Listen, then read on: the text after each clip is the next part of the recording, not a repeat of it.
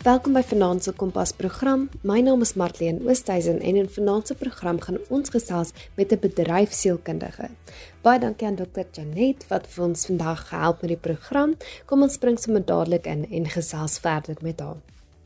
Goeiedag. Ek is Dr. Janet van Duyk en 'n bedryfsielkundige tans in privaat praktyk. Baie dankie vir die voorreg om met jou te kan gesels. Vertel vir my meer van jou beroep en beskryf dit vir my. As bedryfsielkundige het ek besluit om in korporatiewe en individuele welstand te spesialiseer. Ehm um, so my beroep wels om ook onder andere om organisasies te help met diagnose, soos byvoorbeeld om te sien waarom die werknemers ongelukkig is, waarom daar so baie daar afwesig is, waarom hulle werkprestasie laag is, waarom maatskappye se top talent loop. Aanvanklik gaan mens in om met bestuur te gesels om die probleem te identifiseer en te verstaan wat aangaan en dan moet jy hulle ook oortuig vir die rede vir die waarde van jou diens en hoeveel die koste gaan wees. Die stappe en proses wat mens volg wanneer die werk dan begin, sluit dan goed in soos data-insameling, deur onderhoude en soms ook psigometriese toetsing of vraelyste en die data word dan geïnterpreteer waarop ek dan my wenke baseer en dan gaan ek in om weer terugvoer te gee aan bestuur vir moontlike oplossings en stappe wat gevolg kan word.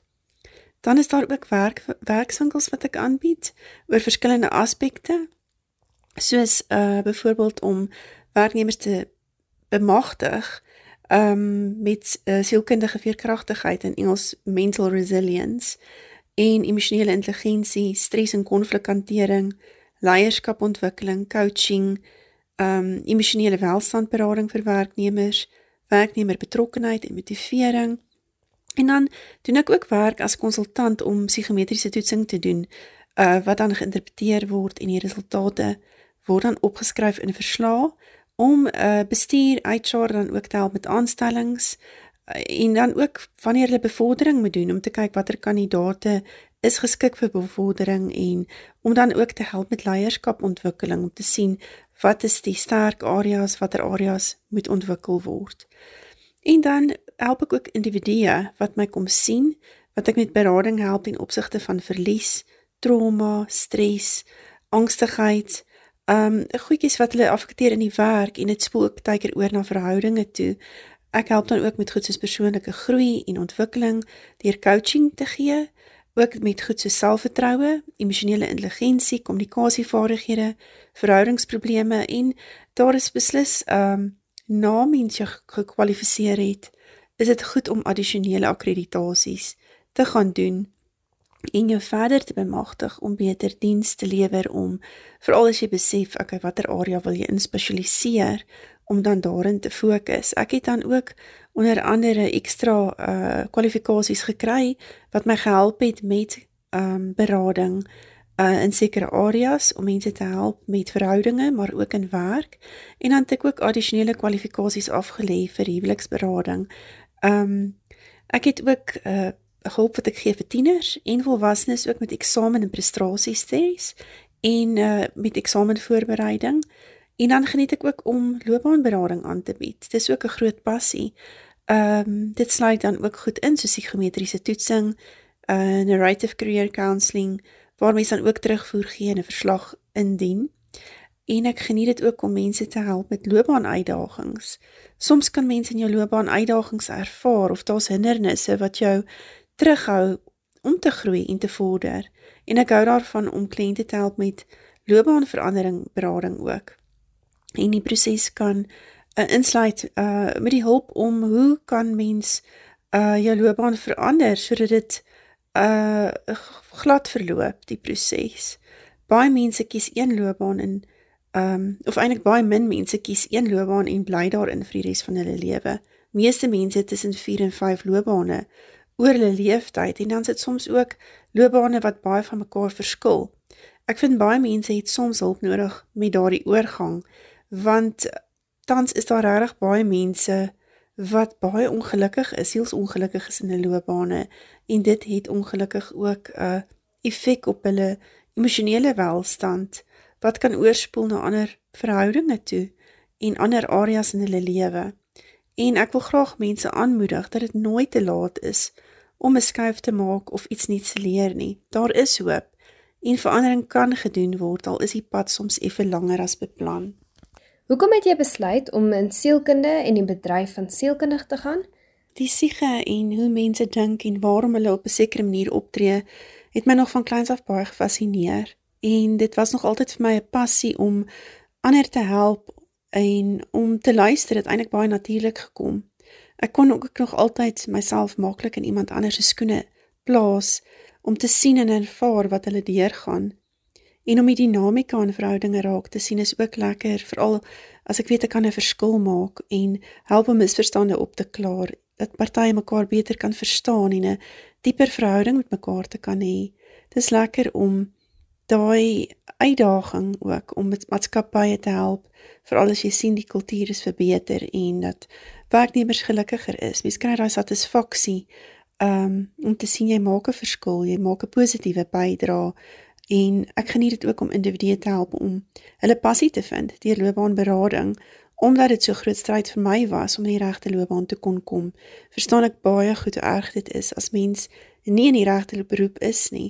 Die emosionele impak is intens en hoe langer mens in 'n beroep is wat jy nie geniet nie, hoe meer vloei dit oor na jou persoonlike verhoudinge en jou fisiese gesondheid.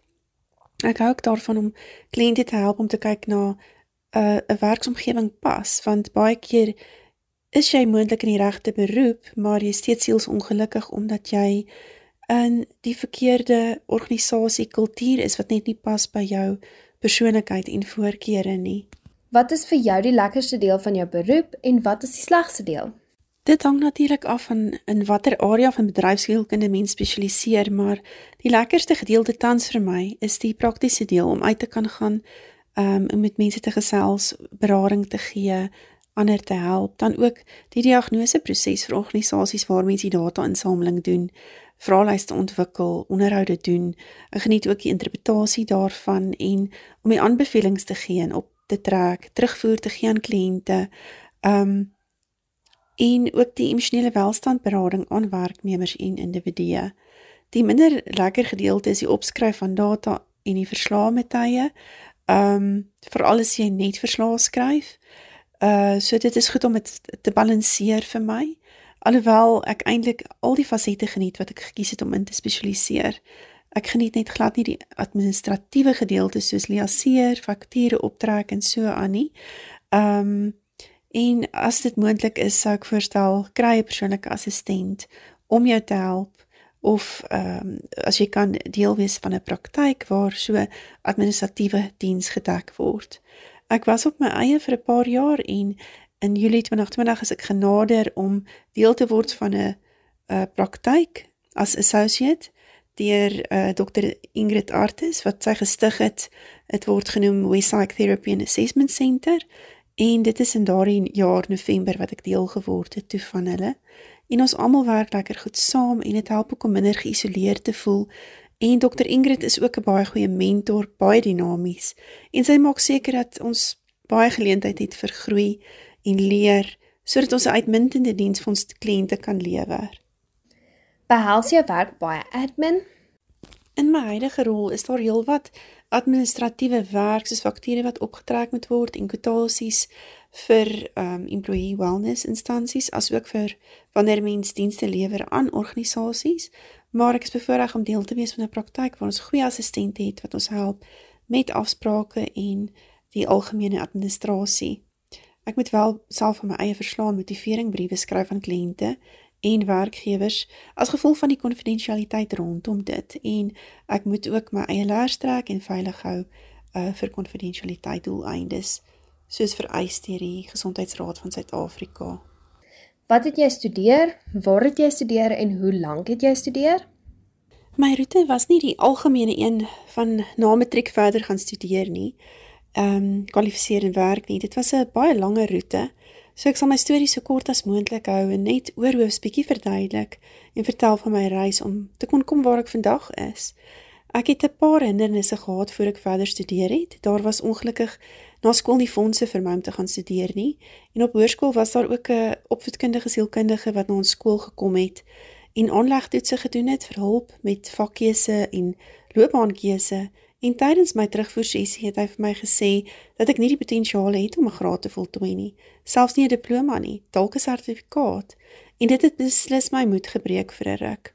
En dit het 'n tydperk gevat om dit te verwerk en ten spyte daarvan nie op te gee op my droom om verder te studeer nie.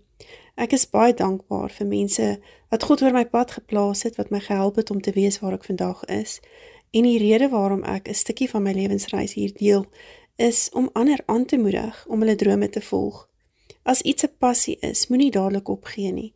Kry 'n tweede, selfs derde opinie. En na verskeie werkies hier en daar, het ek uiteindelik ehm um, toe werk gekry, 'n vaste werk gekry as belastingkonsultant. Ek het uh, eers 'n paar jaar gewerk by SARS en toe by 'n ouditeursfirma werk gehad en hier het ek toe besluit om deeltyds te studeer in bedryfsielkunde by Unisa. En dit het my toe 6 jaar deeltyds geneem om my graad te kry in bedryfsielkunde in BCom en hierna het ek toe my honeurs gedoen en meesters uh voltyds. En uh met fondse wat ek toe gekry het deur die pensioen wat uitbetaal is na ek bedank het by die firma en is ek was toe ook bevoorreg om 'n wonderlike man te hê wat my ondersteun in die proses van my loopbaanverandering en hy is steeds 'n steunpilaar. Ek is ook dankbaar vir my ouers se emosionele ondersteuning in daardie tyd. Ek moes toe ook 'n 2 jaar meesters aflê. Die 1 jaar was teorie met eksamen en die tweede jaar was 'n navorsingsstudie wat ek moes doen met 'n teses wat ek moes skryf om suksesvol die tweede jaar te kon voltooi. En my oorlede skoonpa het ook baie gehelp tydens die proses van data-insameling waarvoor ek baie dankbaar is. En ehm um, my fokus hier was toe die belangrikheid vir 'n organisasie pas, rolpas, beroeppas en ek het toe gevind dat daar wel uh dit wel 'n bydrae lewer vir werksatisfaksie as mense pas het. En ehm um, dit help dan ook vir organisasies om hulle talente behou as jy seker maak dat al drie ehm um, rolle gepas word. Hierna het ek 'n jaar internskap afgelê waarna ek toe by uh die gesondheidsraad geregistreer het met 'n raadeksamen wat ek afgelê het. En uh toe ek gekwalifiseer as sielkundige. En toe het ek voltyds as konsultant as sielkundige begin werk en daarna het ek voortgegaan om deeltyds my doktorale studies te voltooi. Dit het my so 3 en 'n half jaar geneem om my navorsing te doen, die teses op te skryf en ek het 'n studie gedoen oor die effek van werksplek bullying op individue. Um omdat dit nie regtig so algemeen is wat mense praat daaroor nie, maar dit bestaan tog wel. En ek het gevind dat sielkundige veerkragtigheid en in Engels mental resilience wel 'n positiewe effek het op hoe 'n mens moeilike uitdagende gebeure hanteer soos bullying. En um ek het 'n voorreg gehad om die studie resultate in Spanje by 'n konferensie te kon aanbied en dit was 'n regtig heerlike ondervinding en ek was dankbaar vir Unisa wat my ehm um, gehelp het om dit te kon doen. Vir my was dit 'n lang pad om loopbaan te verander as gevolg van die tipe beroep wat ek gekies het.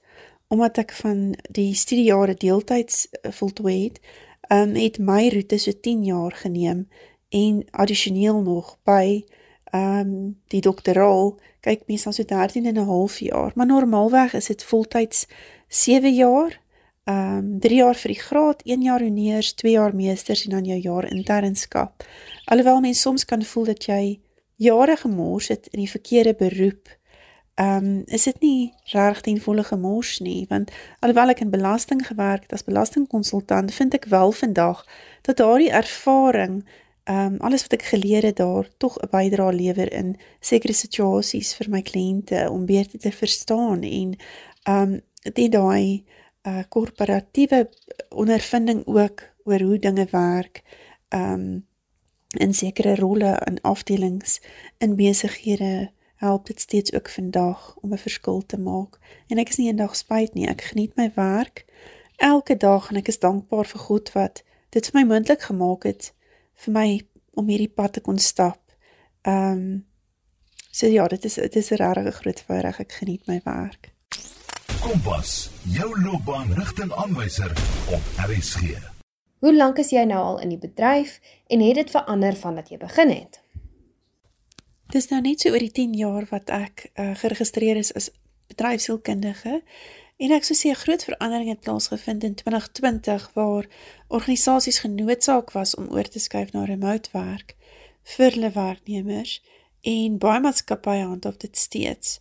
Heelwat werknemers verkies dit om dat hulle vind dit baie voordele vir hulle bied. Dis makliker om 'n werklewe balans te handhaaf deur minder tyd wat hulle op die pad spandeer in verkeer en dit gee ook meer tyd vir kwaliteit werk. Maar dan vind ek ook heelwat ander kliënte wat my kom sien want dit is moeilik vir hulle om aan te pas daarbey. Hulle voel meer geïsoleer en alleen omdat hulle persoonlikheidsvoorkeur is om meer tussen ander mense te werk. En dan is daar ook baie kliënte wat my tans kom sien en erken dat hulle nou weer sukkel met ehm um, die work-life balance in die opsig van dat hulle baie tyd spandeer aan hulle werk en meer as toe hulle voltyds by die kantoor gewerk het. Daai grys area van wanneer hy ook op werk is moeilik en dit is 'n aanpassing om dan te leer om daai grense vir jouself te stel om steeds tyd te maak van wanneer kan ek afskakel. Ehm uh, want dit is krities. Ek vind daar is mense wat my kom sien tans wat sukkel met 'n uh, 'n uh, uitbranding en uh iewers haal dit mens maar in as jy soveel ure insit en nie 'n breek vat nie. Um so dit is 'n proses om weer te leer hoe om aan te pas by 'n nuwe manier van werk, hoe om na jouself te kyk en wel in sekere tye te werk en jouself dan toe te laat om af te skakel, te rus en so die pas te kan volhou om jou ure in te sit vir die werk soos nodig, maar ook om na jou eie emosionele welstand om te sien. Want in die nuwe wêreld van werk is die onus vir om na homself te kyk op die werknemer. Alhoewel die die organisasie wel probeer ondersteun word die onus deesdae gesit op die werknemer om na hulle eie welstand om te sien en ook te sorg dat hulle wel opleiding kry en groei waar vroeër jare was alles meer op die uh, organisasie gesit die, die verantwoordelikheid daarvan.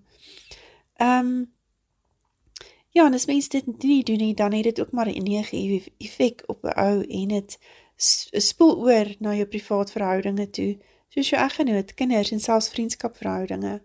Dan is daar ook 'n groot behoefte ehm um, wat nou soos 'n dryf is wat hulle probeer om werknemer gesondheid beskikbaar te stel vir hulle eh, werknemers by sekere besighede en in skole wat hulle ook uh, daardie dryf het om te probeer help as gevolg van die impak ehm um, wat COVID veroorsaak het met onsekerheid, spanning en ook verliese ehm um, wat deur COVID veroorsaak is op op volwassenes en kinders en ehm um, en dit is 'n goeie ding om daardie dryf te hê vir dan dienste vir berading, maar ek dink ook dat bestuur uh ook beter opgelei moet word hoe om hulle werknemers in hulle span beter te ondersteun wanneer hulle deur verlies gaan of hierdie spanning en onsekerheid ervaar en dan ook om makliker en vinniger te kan sien wanneer moet hulle iemand in hulle span wel verwys vir berading.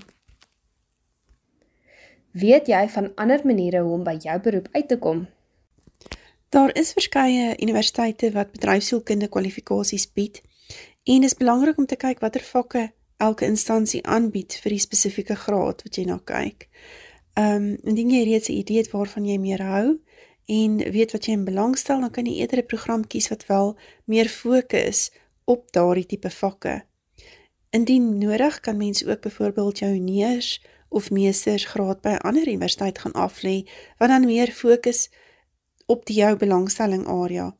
Ek was bevoorreg gewees om by dieselfde instansie te kon bly, want hulle want hulle het in al die grade wat ek afgelê het, die vakke ingesluit wat gefokus was op individuele en korporatiewe geestesgesondheid. Toe jy net begin werk het, wat was jou struikelblokke en hoe het jy dit oorkom?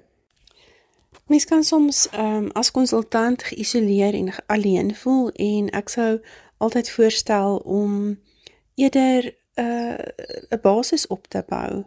En soms is dit ook goed om 'n uh, netwerke op te bou met ander in jou loopbaan, so by mekaar te leer, ek, as klankbord te dien vir mekaar met moeilike sake.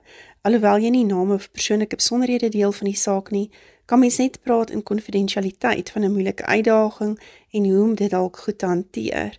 Maar dit is ook baie goed om by 'n instansie aan te sluit soos Sojopsa, uh om etiese raad te kry in sekere gevalle indien jy sou besluit om in privaat praktyk te werk.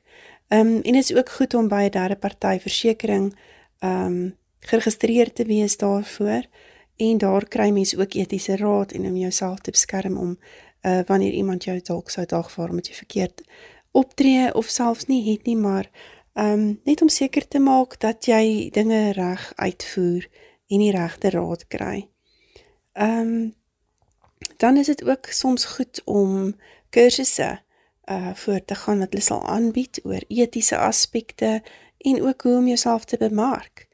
Um om al die fynere goedjies te leer voor jy in privaat praktyk ingaan, kan dit nogal makliker maak vir die oorgang wanneer jy op jou eie gaan en dan jy nie so alleen nie dat jy definitief 'n uh, ondersteuningsbasis het.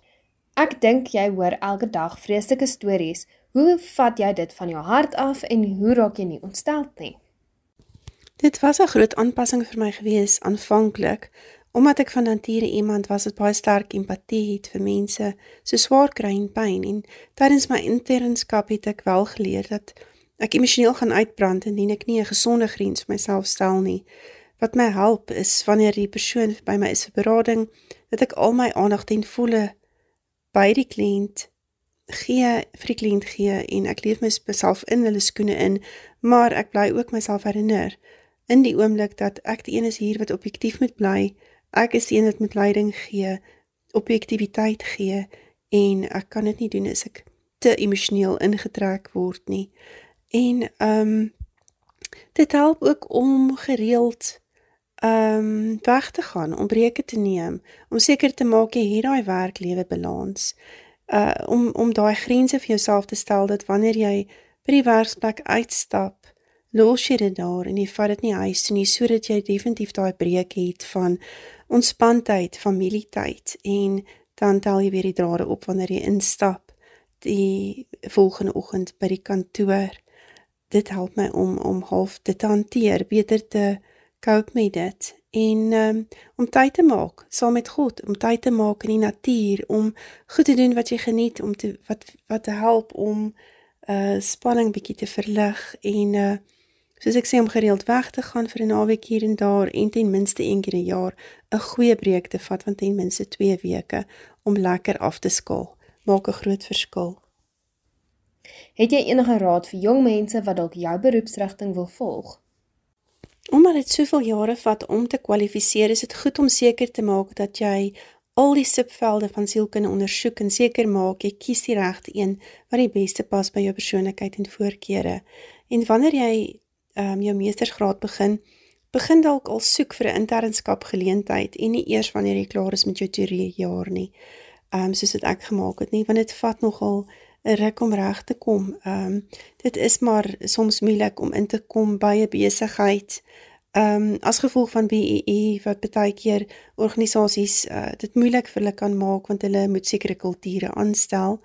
En um, ek was baie dankbaar toe ek uiteindelik reg gekom het by 'n klein privaat konsultasie besigheid. Hulle het my eers ook deur 'n stelsie geometriese toetse gesit um, om seker te maak dat ek wel kognitief die potensiaal het, uh emosionele intelligensie, die persoonlikheid het wat by hulle besigheid pas. En um in hierdie rol het hulle my ruimte gegee om blootstelling te kry aan verskeie besighede en fasette in ons bedryf. En daarom sal ek altyd dankbaar wees vir Dr Debrie van Wyk vir die geleentheid wat ek by hom gekry het. Hy is self 'n bedryfsielkundige en 'n entrepreneur en baie dinamies. En ehm um, ek sou ook voorstel doen aansoek by verskeie universiteite vir toelating tot juniors en meesters graad want dit is moeilik om in te kom. dit is baie streng. Hulle het net 'n handjievol mense wat hulle kies per jaar.